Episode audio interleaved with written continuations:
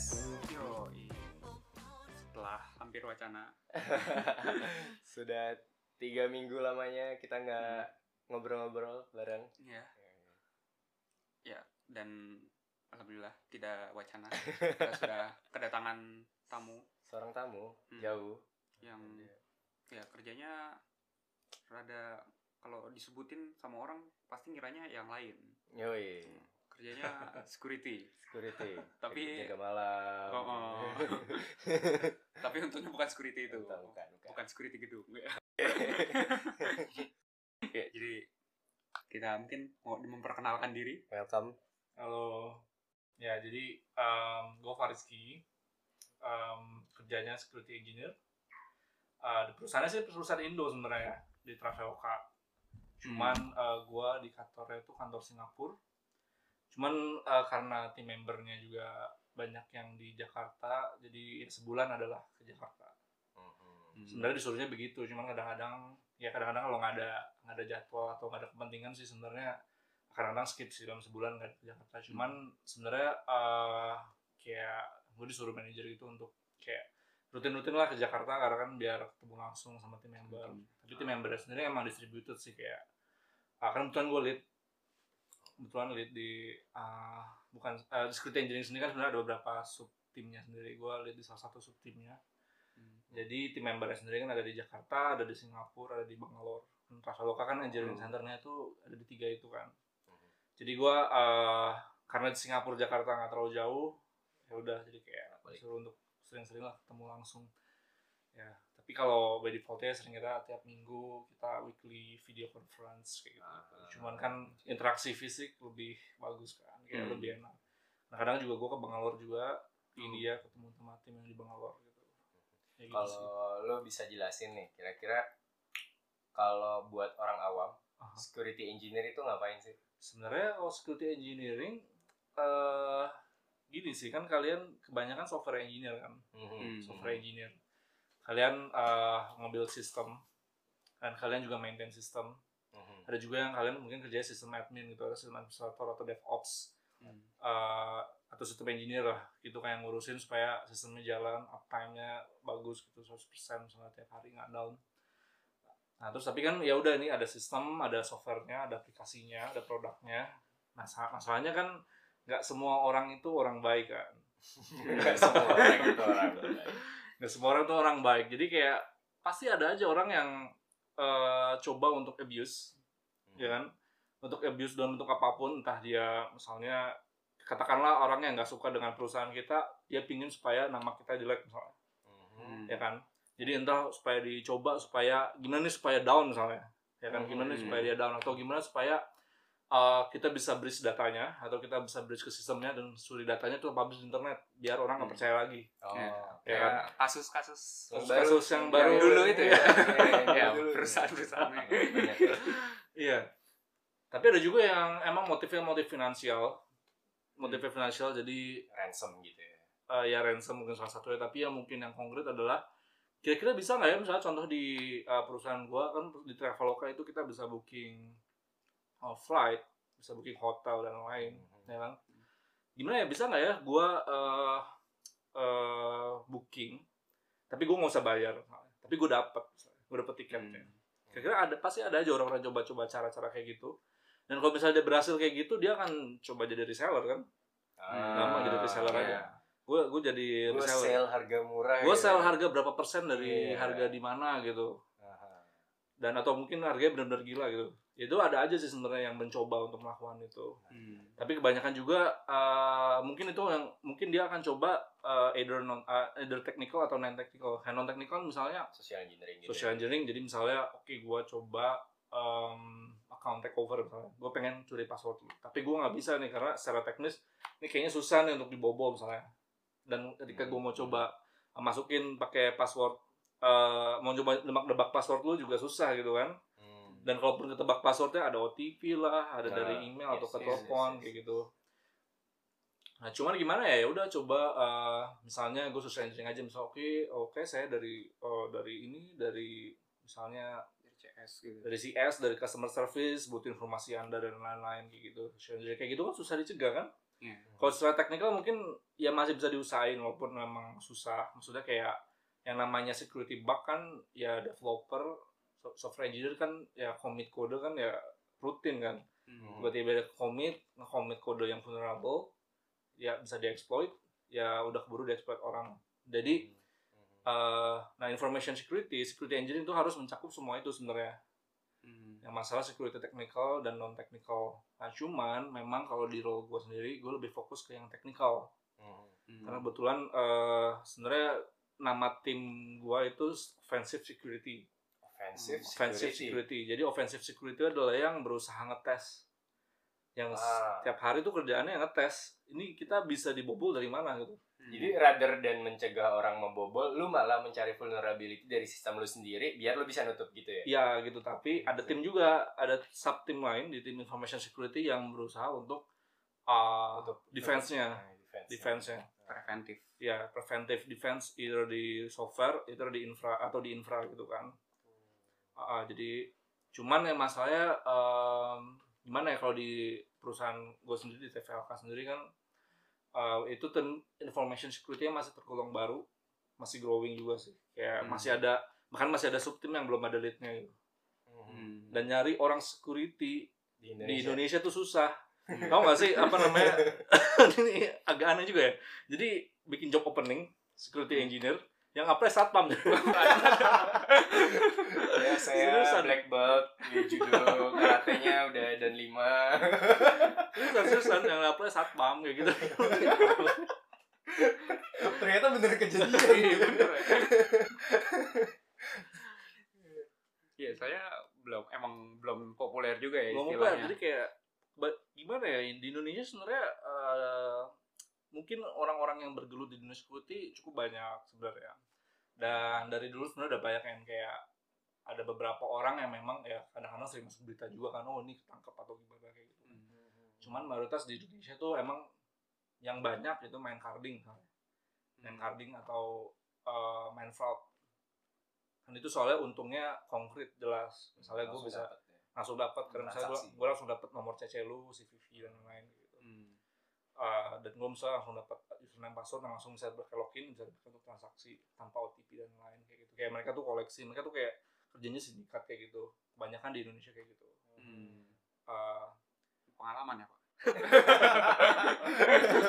iya kadang-kadang kan gue dulu juga join-join kayak Komunitas- komunitas forum komunitas komunitas underground Hmm. kayak gitu komunitas Ah. underground di Indonesia itu kan sebenarnya juga ada banyak banyak juga sih yang bagus kayak Man City F kan Capture the Flag Hmm. ya emang mereka tuh pengen biasanya orang-orang Indonesia biasanya yang entah kenapa kebanyakan yang di CTF tuh banyaknya anak anak kuliah sih anak kuliah yang memang kebetulan lagi pengen banyak belajar.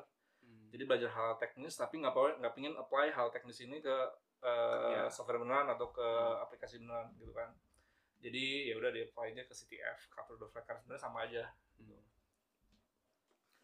Ah, jadi itu tentang teknis. Tapi yang ini nih yang sebenarnya yang kayaknya semua perusahaan itu menghadapi hal ini sih.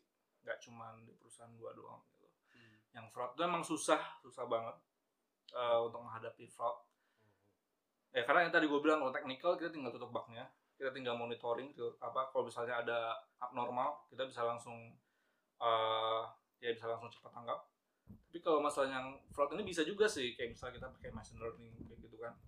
Machine learning kalau misalnya ada yang uh, activity user yang mencurigakan ya kita bisa langsung analisis dan cegah kayak gitu. Cuman ya tetap sih kayak faktornya banyak kan. Nah, makanya Hmm. itu sih uh, mungkin ke depannya sih mungkin uh, apa ya di tim information security sendiri uh, mungkin bakal bakal bikin subtim baru dan atau gimana. Tapi ya gue nggak bisa ngasih tahu lebih jelas juga. Tapi yang intinya mungkin gue cuma bisa ngasih tahu tentang role gue dulu sih. Ya, di role gue kan gue ngelit di uh, offensive security. Nah, dulu tuh namanya red team. Jadi kalau di security itu ada istilah tuh red team sama blue team. Ya, red Oh, team red itu team. biasanya orang yang berusaha menyerang, blue team Berarti itu defense. berusaha defense. Jadi Hmm. kayak kita simulate aja terus-terusan kayak gitu. Kalau di Hmm. software development itu kan kayak Hmm. ada life cycle-nya bisa pakai Scrum, bisa Iya. pakai apa. Kalau di security sendiri ada life cycle tersendiri. Sebenarnya sebenarnya kalau apa nih offensive atau defensive? kalau lu deh sih? gua- Oh, tapi mungkin gue ceritain dulu yang defensive. Kalau yang Oh. defensive sendiri itu sebenarnya ada secure SDLC, yang secure software development life cycle. Ah, Hmm. Jadi kayak gimana kan kayak gini ya misal kalau developer commit terus pengen integrate ada integration, continuous delivery kayak Yes. gitu gitu kan. Hmm. Terus integration sendiri ada unit testing, ada QA-nya sendiri yang misalnya Iya. coba pakai tes test case gitu nah dari sebenarnya kita bisa dalam ketika unit testing itu ada testing testing eh, ya coba nge-exploit bugnya ada security testingnya Hmm. gitu kan either itu static atau dynamic static itu berarti kodenya di analisis kode di analisis ada nggak sih kemungkinan eh, jalur kode yang bisa kita exploit misalnya misalnya apakah kelupaan autentikasi gitu misalnya apakah dia pakai SQL-nya itu SQL-nya misalnya pakai raw query misalnya Hmm. Uh, terus tiba-tiba apa dari input user bisa masuk ke query jadi bisa SQL injection misalnya kan Oh.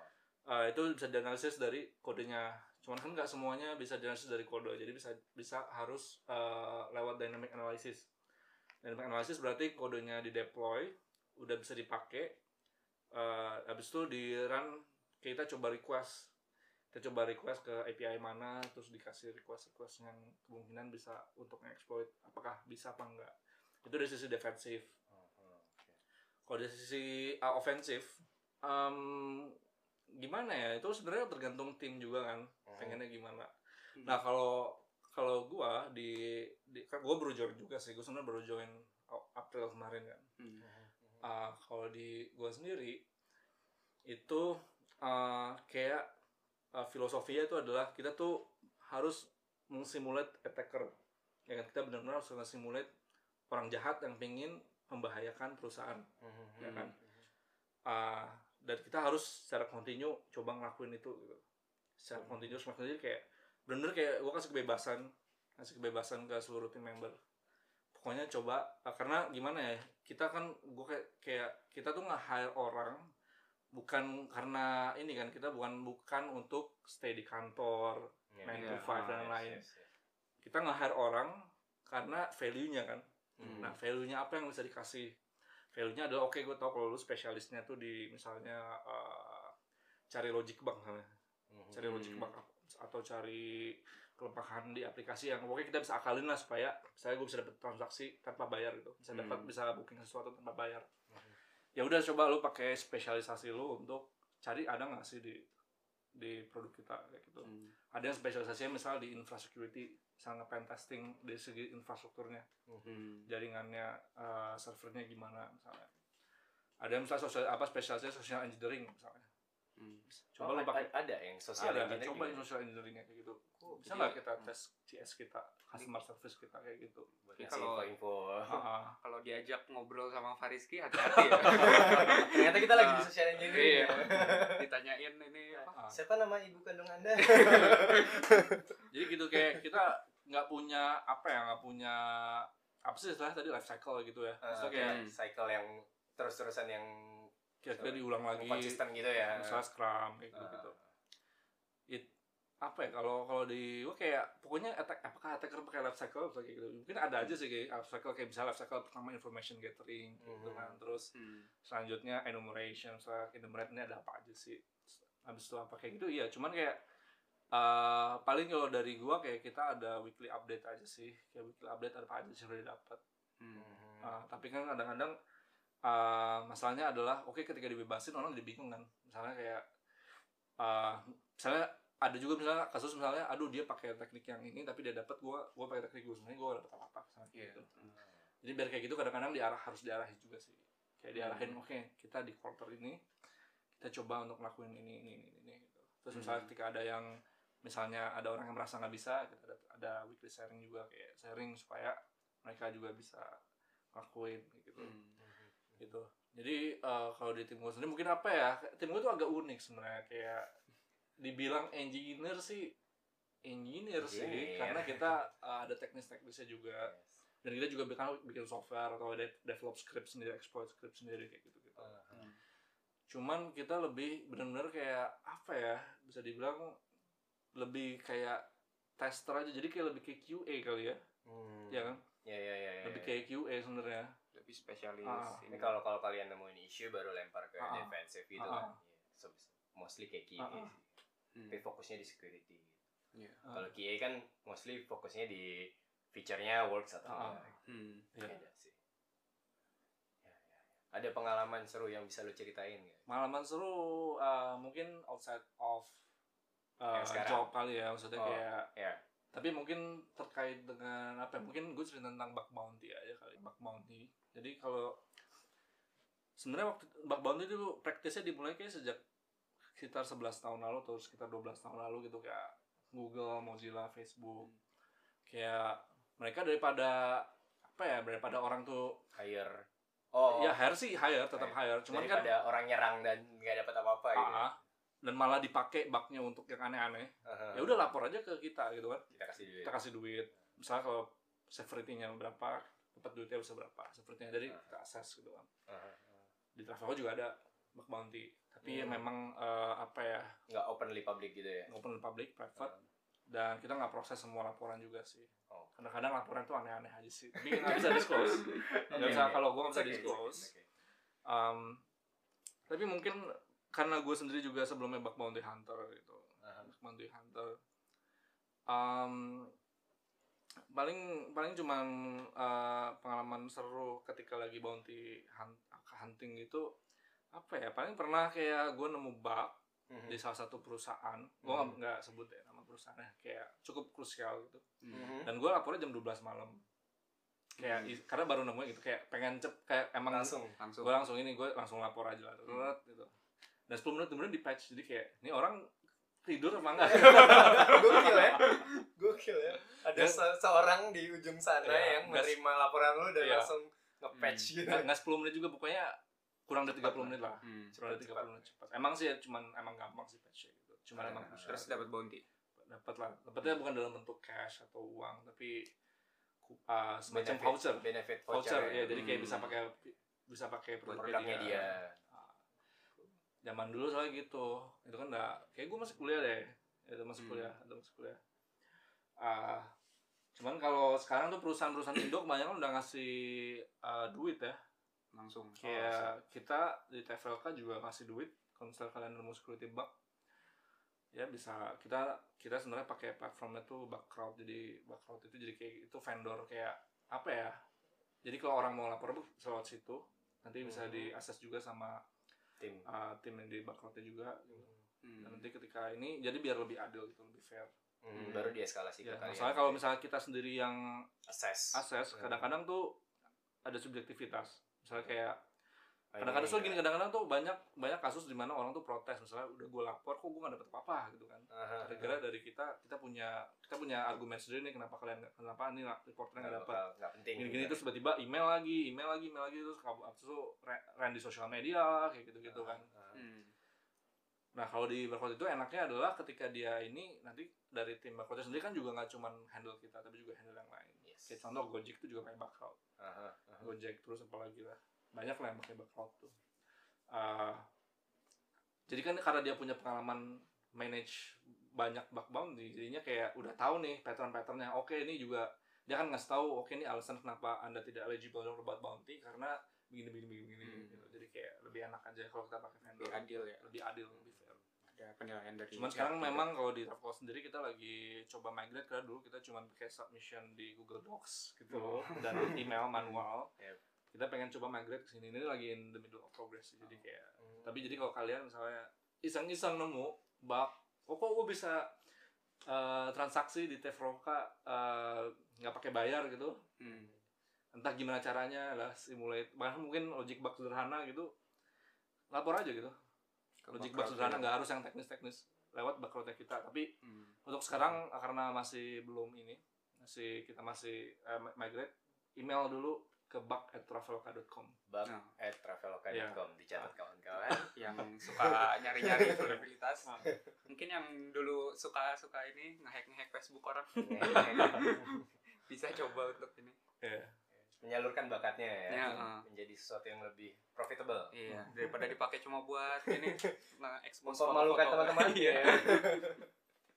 gue ada sedikit ini Ah. sih jadi kan security ini kan sebenarnya penting kan Ah. apalagi sekarang ya udah banyak lah berita-berita hacking data segala macam data Ya. kesebar lah Ah. Eh, nah tapi kan kalau selalu ngebuat startup yang baru startup nih Ah. kan lu nggak bisa kayak apa langsung nge-hire security expert gitu Hmm. karena lu terbatas resource-nya itu Hmm. menurut lu tuh gimana Des? lu bisa ngejalanin startup tapi kayak lu masih care sama security-nya gimana gimana? Misalnya gue jalan gue So- punya startup nih gitu. Hmm, kayak sebatas apa lu eh, kan ya kalau misalnya perusahaan besar kan kayak ya hire security expert terus Oke. ngejalanin ini. Nah Aha. kalau startup kan resource-nya dikit. Mungkin Oke. langkah apa yang paling penting untuk gue sebagai dijalankan apa gue sebagai founder gue sebagai sebagai engineer, ya sebagai engineer atau founder. Founder sih lebih ke founder ya? Kayak apa tahap yang paling penting untuk dijalanin duluan? Um, apa ya yang paling penting jalan duluan ya hmm. sebenarnya gini sih kan kita uh, startup sendiri pasti kayak punya misi sendiri kan kayak kita punya visi, visi juga sih kayak ke depannya kita akan jadi apa akan misalnya apakah jadi perusahaan besar Hmm. punya user banyak gitu nah sebenarnya ketika kita masih startup misalnya user base nya masih sedikit terus uh, service-nya juga masih belum terlalu banyak yang pakai itu sebenarnya uh, harusnya first step untuk uh, melakukan pengamanan itu bagusnya di situ sebelum jadi besar Hmm. udah dari situ sebenarnya bagusnya kayak gitu. Jadi pertama tuh adalah kita harus aware dulu harus punya mindset yang benar dulu. Kayak pertama eh, yang sederhana dulu deh yang non teknikal dulu. Yang non teknikal gimana cara kita menghandle personal data eh, customer user gitu. Eh, personal identifiable information atau PII gitu. Oke misalnya eh, lu store apa sih di database lu? Misalnya lu data lu store full name store tanggal lahir misalnya. Hmm. Store apa password juga yang di hash misalnya. Habis itu apalagi sih atau kas, apa apa pun yang terkait personal gitu. Nah lu tuh store gimana gitu? Siapa aja yang punya akses ke sini? Apakah semua orang? Atau apalagi kalau masih startup gitu. Siapa yang bisa ngejamin misalnya gua nge-hire intern atau nge-hire uh, oke engineer gitu terus dia cabut tiga bulan kemudian dia udah pernah Ambil data. akses ambil data nggak gitu? Ada nggak? Kebanyakan startup tuh kayak nggak peduli gitu ya kan? Hmm. kayak yang penting gua pedulinya growth pedulinya Hmm. growth growth itu growth habis itu nanti tiba-tiba ada orang yang pernah ambil bahkan dari ex employee sendiri gitu. Terus kita nggak pernah sadar. Kayak Hmm. gitu. Jadi kalau misalnya nggak punya pengalaman security harusnya kayak gini-gini common sense sih? Kayak misalnya gue store data orang lain secara personal. Apa sih yang ada? Kita bikin SOP lah misalnya SOP siapa aja yang bisa akses database server kita? Siapa? Ini Hmm. uh, kita store itu kayak gimana? Kalau misalnya ada password kan nggak mungkin kita store password plain text kan Yes. so funny. Kalau Kecuali kadang apa? ada yang apa di kita dulu yang plain text PMB ya Hah? PMB tuh pernah oh iya dulu Iya, dulu Fasilkom PMB. Wow. PMB Fasilkom. Eh, bukan Fasilkomnya sih tapi mahasiswanya oknum Oknum. Oke. eh um, plain text gitu ya jadi jangan jangan jangan store plain text ya kan? Hmm. kita hash. Tahu kan bedanya encryption sama hash? Di hash di hash sendiri juga kan ada, ada algoritma yang udah bisa langsung dipakai misalnya MD5, SHA1, SHA, SHA256 nah, Hmm. kita pakai yang yang ya paling strong lah makin strong makin bagus makin susah makin susah di ah, di reverse kan di reverse Hmm. hashnya tuh kita punya word list terus di hash satu-satu ada yang cocok nggak gitu kan? Hmm. ya sulit pokoknya baca-baca aja sih kayak gimana cara nge-store data customer yang benar. Jadi kayak yang non teknikal ketika walaupun ada yang teknikal yang sederhana dulu. Pertama itu. Tapi setelah itu adalah takutnya ada bug di kode kita misalnya. Ya? Hmm. takutnya ada security bug. Apalagi masih startup terus kita nggak bisa nge-hire orang yang jago atau nggak ya kalau bisa dapat yang jago ya laki sih ya kan maksudnya beruntung lah. Hmm. cuman kadang-kadang kan susah juga kayak dapat lah yang baru belajar Hmm. apa bahkan dapat yang sama sekali belum ada pengalaman. Jadi kayak dia sambil baca buku tutorial sambil Iya, coding ah. gitu kan. Terus tiba-tiba ngebug. Nah itu masalahnya adalah dan kita nggak ngerti kan kayak ini apa yang harus diperiksa. Hmm. nah uh, yang paling ini kalau misalnya kita punya ini kita adalah harus open sama uh, ada ketika ada orang yang lapor. Karena di Indonesia sendiri sekarang ada tren orang tuh pengen nyari bug misalnya. Nyari bug di website mana pun dan mereka lapor walaupun nggak ada harapan monetary rewards kayak mereka tuh Hmm. pengen belajar doang gitu Hmm. mereka cuma pengen belajar mereka nggak ada harapan monetary reward tapi mereka tuh harapannya adalah dibalas dikasih ucapan terima kasih knowledge ya. di acknowledge dan Hmm. mungkin kasih hall of fame atau gimana atau dipublish itu di twitternya terima kasih pada si Anu gitu Iya. atau telah menemukan apa mereka harapannya itu sebenarnya bukan Hmm. cuma uang nah cuman sekarang yang sering gua temuin adalah ada beberapa startup bahkan perusahaan besar juga itu ketika udah dilapor bug malah dia marah-marah gitu Hmm. ah anda sudah kelewatan gitu Oh. anda ini, ini.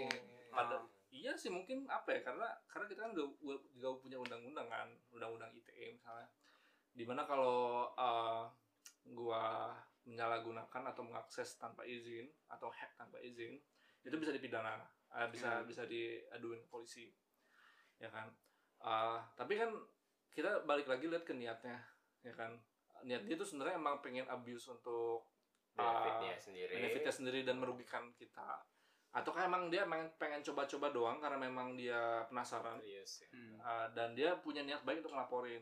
Nah, Iya. ketika orang udah punya niat baik untuk ngelaporin, kita harus uh, apa namanya welcome gitu. Kita harus itu ramah lah. Hmm. Jangan sampai kita marah-marah karena banyak tuh kayak gitu kasusnya kayak malah kita yang marah-marah gitu kan. Iya, terus Hmm, malah jadi Uh, open karena apa ya? Kita sendiri aja kita nggak apa ya kita udah tahu kita nggak ngerti security, udah tahu kita nggak punya uh, resource untuk ngetes kode kita nggak ya, ngetes infra kita tapi begitu ada orang ngetes malah kita marahin kan Iya. make sense jadi kayak apa udah bahkan udah dapat gratis gitu masalah dimarahin kalau nggak Hmm. di kalau dimarah-marahin malah kayak disintis mereka dapat insentif buat make bug yang mereka temuin buat nyerang secara iya beneran kan gitu ya. ah, itu Hmm. pernah kejadian di salah satu perusahaan gue nggak sebut Ah, di Indo tapi di Indo Hmm. jadi ada orang yang udah tapi ini emang dianya sendiri agak aneh sih emang nih orang ini udah berada di penjara beberapa tahun ya. Hmm. udah udah bebas tapi di Instagram dia Aktif. sering jadi selebgram gitu lah kayak Ah. gara-gara ex hacker gitu kan kayak ex di Hmm. penjara kayaknya orang-orang pada follow karena pernah masuk TV juga orang Hmm.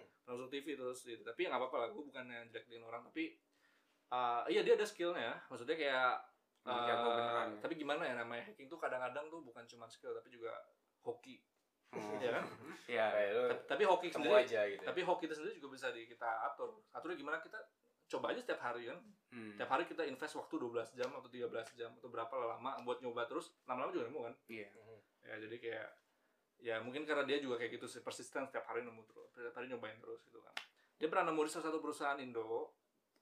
Habis itu tapi dia kalau nggak gue nggak ngerti gue nggak tahu sih teknikalnya gimana. Tapi dengar dengar sih kayak cuman uh, ada sedikit non teknikalnya maksudnya kayak dapat engineering. password social engineering atau Hmm. gimana terus dapat ke akun employee dan lain. Itu masuk akun employee dapat sesuatu habis itu di leverage lagi sehingga bisa bisa merugikan perusahaan sampai nggak tahu lu nggak tahu sih nominalnya berapa ratusan juta atau miliar kalau nggak salah gede sih Wow. miliar sih Hmm. sampai miliar Em, tapi sebelum dia ngelakuin itu sebelum dia ngerugiin perusahaan itu dia Hmm. sempet email Ngelaporin. laporin eh saya nemuin ini nih kita kerjasama lah gitu. teman kayak kayak apa ya dia jadi kayak istilahnya kayak pengen imbalan kayak pengen imbalan gitulah Iya. tapi karena gua nggak tahu nggak dibalas atau balasannya gimana tapi intinya karena tidak memuaskan balasannya Hmm. akhirnya dia gunain itu Hmm. Hmm. tapi karena dia pernah email dan apa namanya tiba-tiba ada kayak gitu ya jadi gampang lah Gampang ketangkepnya trace ya. Iya. Iya, lebih gampang trace ya. akhirnya dia ketangkep sama sindikat-sindikatnya juga kan tuh kayak gitu sindikatnya ada banyak ada sindikat mungkin dia bagian yang teknis-teknisnya gitu ada juga sindikat yang gimana cara kita convert ini jadi uang Hmm. Monetization-nya ya. monetization-nya Ada ya. Ada Di bisnis marketing, ada marketing bisnis. Iya, ada marketing juga Marketing ada. gimana cara kita cari customer misalnya misalnya Hmm. oke gue dapat data-data orang ini gue bisa nggak jual data ini misalnya jual data ini misalnya siapa sih yang butuh data kayak gini oh mungkin gue butuh buat apply kredit misalnya Hmm. kan zaman sekarang kita bisa apply kredit online kan Yes, yes. Iya. ya ada lah di Ada ada, ada ada kejadian di Ah. eh, kampung halaman gue Ah. itu ada satu da- satu daerah gitu Ah. Kayak ada orang yang keliling dia mintain kayak KTP-nya foto KTP gitu dibayar seratus ribu iya emang dia itu bilang oh ini dari perusahaan ini gitu Ah. terus turns out itu dipakai buat apply si kredit itu dan Ah. orang-orang itu yang difotoin KTP-nya dapat tiba-tiba dapat kredit tagihan kredit yang nominalnya lumayan Hmm. iya Ya. apa namanya langsung tiba-tiba di itu debt collector kan Iya. ya itu ba- banyak Terus jenis so- apa salah satu sosial social engineering engineering ya. Hmm. social engineering jadi jangan mikir security hacking tuh ya teknik-teknik aja kayak di film Hollywood yang ter layar hijau Lima menit jadi jadi masuk ini sistem. mungkin mungkin bisa mirip kayak gitu bisa Hmm. bisa mirip kayak gitu Ah, terutama kalau filmnya tuh Mr. Robot lah kalau pernah dengar kan Iya. Mr. Robot kan banyak ah, adegan-adegan yang real gitu Hmm. cuma kayaknya ya kayak penipu mama minta pulsa aja gitu kan Hmm. kayak coba misalnya gue pengen dapetin password lu gue tinggal bahkan atau mungkin bukan bukan bukan social engineering deh hipnotis deh siapa yang bisa jamin lu Iya. lu lagi jalan tiba-tiba ditepok pundaknya eh gue minta password lu terus lu nemu terus lu Anjay. ngomong kan. Iya. itu bisa juga kan Hmm. terus gimana cara kita defend kayak gitu ya kan? so misal atau misal gue gue sebagai security engineer gue pengen uh, apa namanya ada admin gitu yang megang SSH semua atau password dan lain Hmm. laptopnya tiba-tiba di hipnotis diminta laptopnya dibuka gitu gitu gimana? Ini kan susah kan? Di, di tim anda ada yang spesialis Cara-cara ini memprevent gendam. Ya, jadi uh, security itu nggak hanya teknis. Ya gitu deh. Hmm. cuman apa ya kalau gue sendiri gue ya emang sih kadang-kadang dapat job juga sih yang apa namanya yang terkait dengan non teknis cuman kalau gue sendiri lebih prefer yang teknis kenapa karena teknis lebih ilmu pasti gak sih Ya. kayak scientific ada matriksnya matriksnya jelas Hmm. gitu-gitu Hmm. dan apa namanya uh, saks- apa namanya uh, ya matriks suksesnya tuh jelas gitu kan kelihatan gitu. Kelihatan. Kalau kalau social engineering kan basically probability ya. probability Si apakah orang dia ini. bisa ditipu Iya. apa enggak Iya. Lu, lu, terbanyak. dengan cara yang sama lu harus menemukan orang yang tepat ya. Hmm. Kadang kan Ah, sih sih.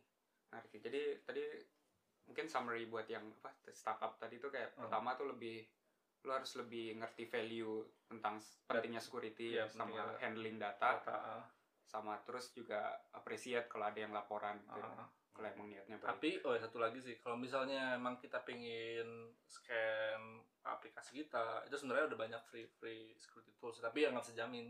Hmm. Karena nama free security tools itu ya cuman simulate apa ya istilah tuh low hanging fruit, jadi kayak yang gampang kedeteksi aja gitu. Iya. Yang kan kadang-kadang juga banyak false positif juga. Hmm. Ya kan banyak tools kan kalau misalnya cari SQL injection ada tools namanya SQL Map, ya kan? Atau yang automatic security scanner itu ada Nessus, Metasploit. Hmm.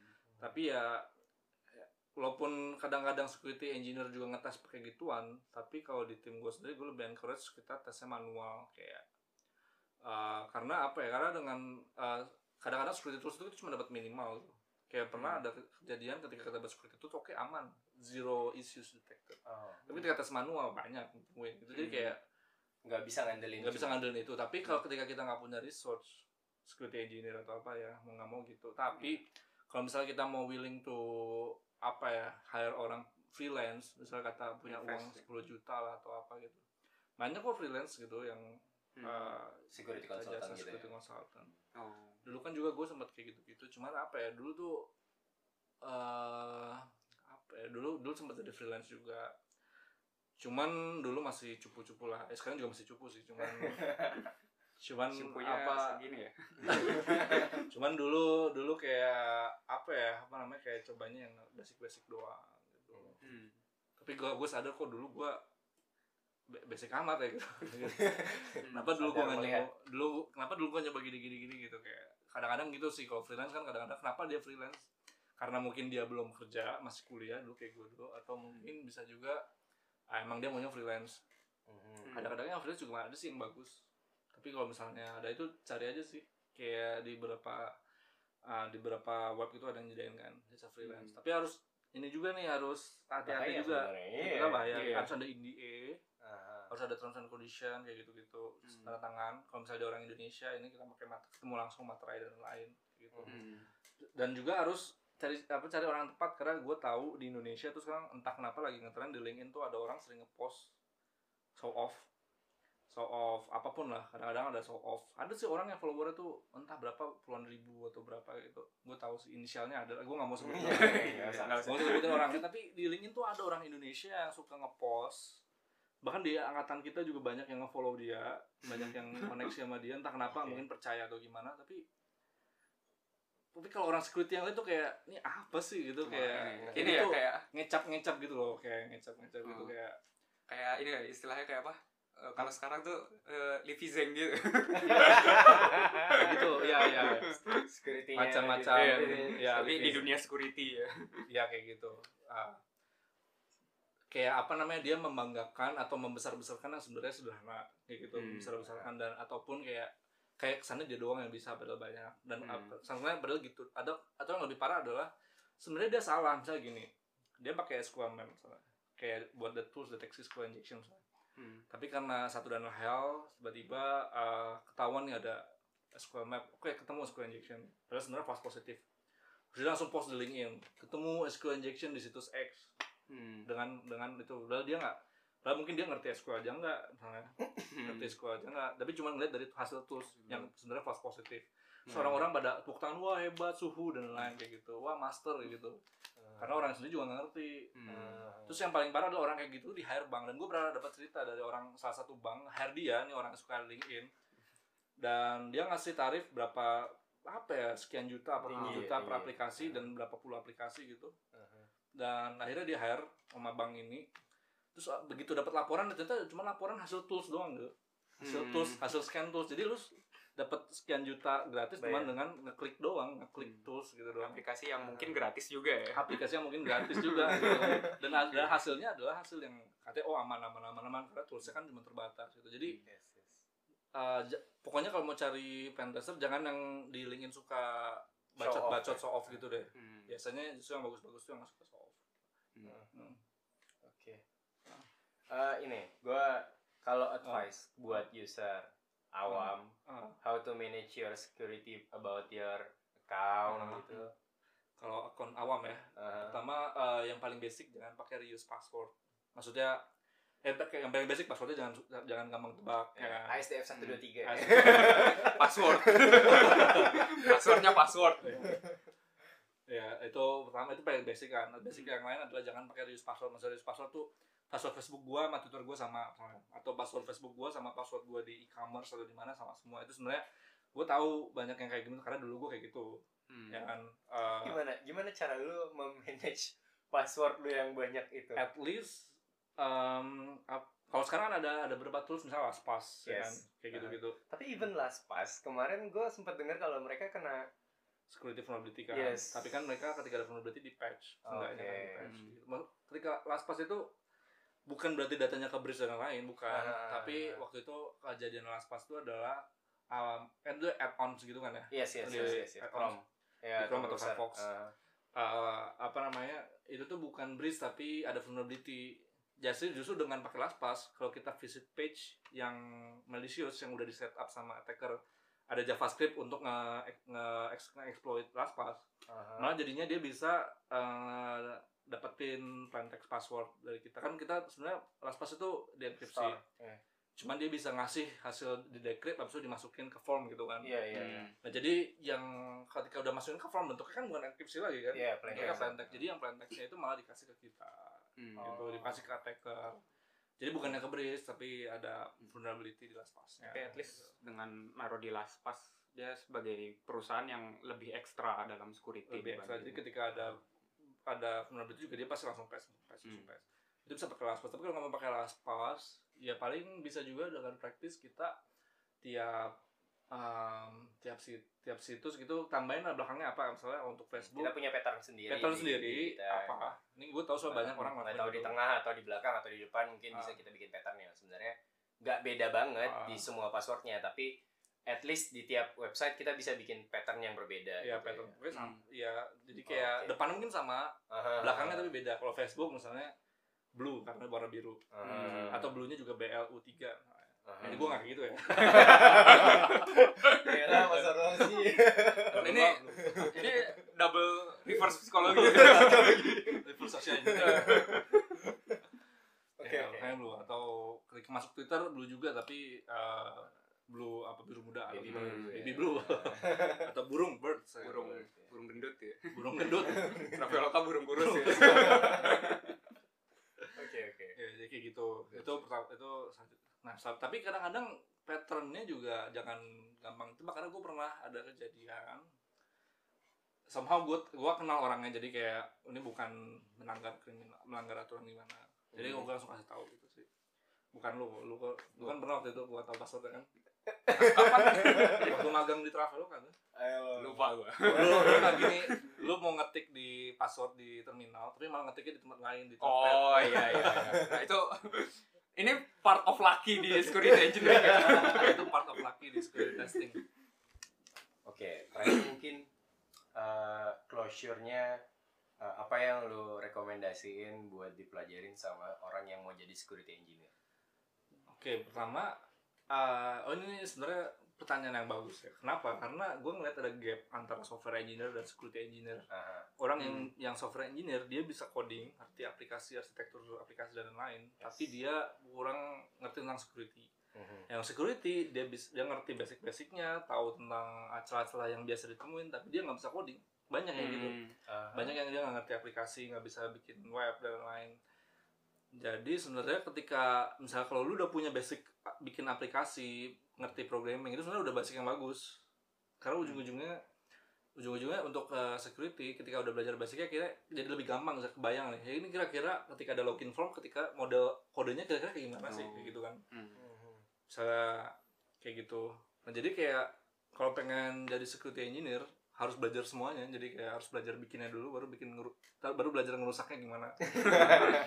Jadi apa Hmm. eh, dari lu mending kayak belajar basic programmingnya terus kayak ya kayak basic programming yang biasa dulu lah biasa Hmm. biasa biasa biasa biasa biasa langsung baru nih misalnya atau mungkin gini kita bisa juga kita bikin web sendiri hmm. langsung kita coba break sendiri oh. ya kan atau misalnya kita coba eh, apa ya kayak kita introduce vulnerability sendiri gitu kayak ini kira-kira kalau gue bikin kode kira-kira yang bikin jadi vulnerable kayak gimana ya misalnya kita ada login kita pakai SQL query SQL-nya kita bikin dari username passwordnya itu bisa kita langsung concat di query-nya Hmm. nah, itu kan vulnerable dengan SQL injection Iya. atau kita coba exploit sendiri gitu kira-kira kalau misalnya kodenya begini gua pakai injection kira-kira query yang pas kayak gimana gitu ya kan? Hmm. yang bisa misalnya gua supaya bisa bypass loginnya atau gua bisa ekstrak database-nya gitu Hmm.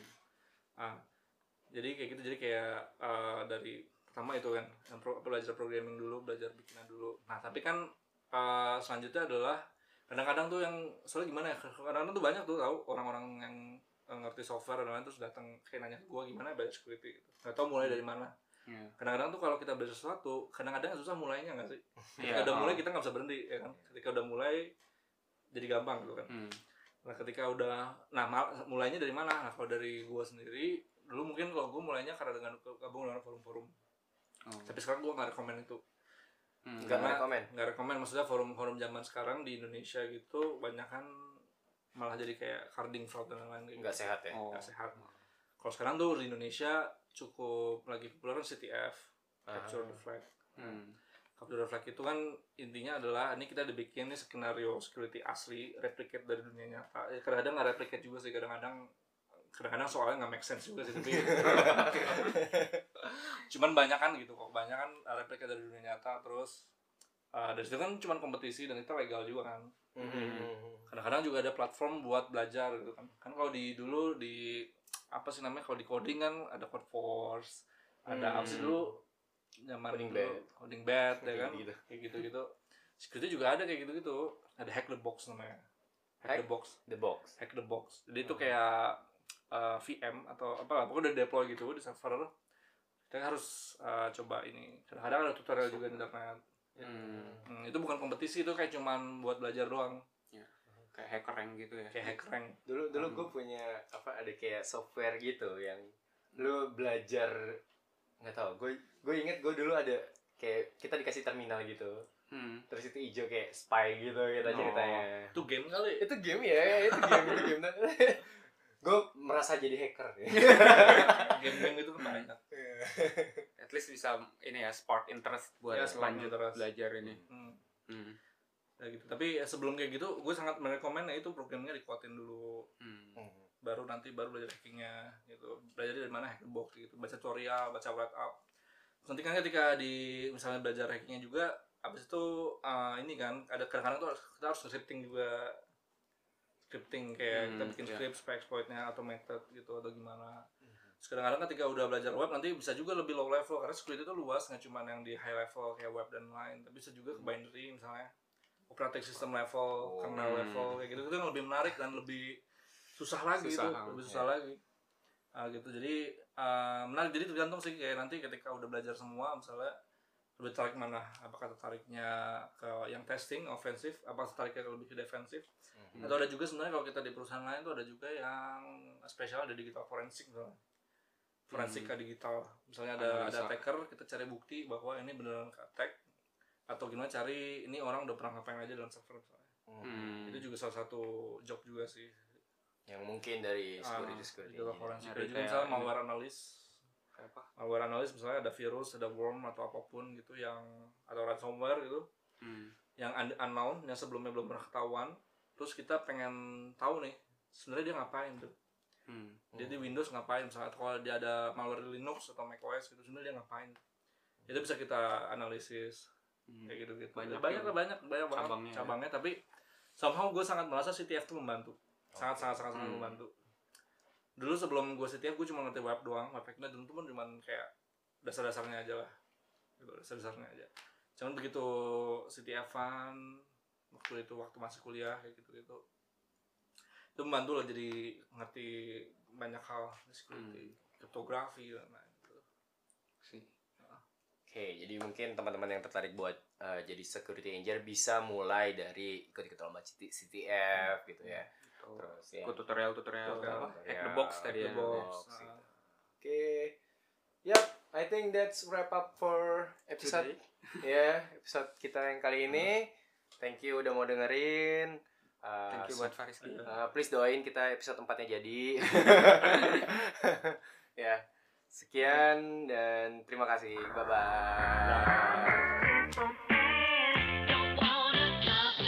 bye.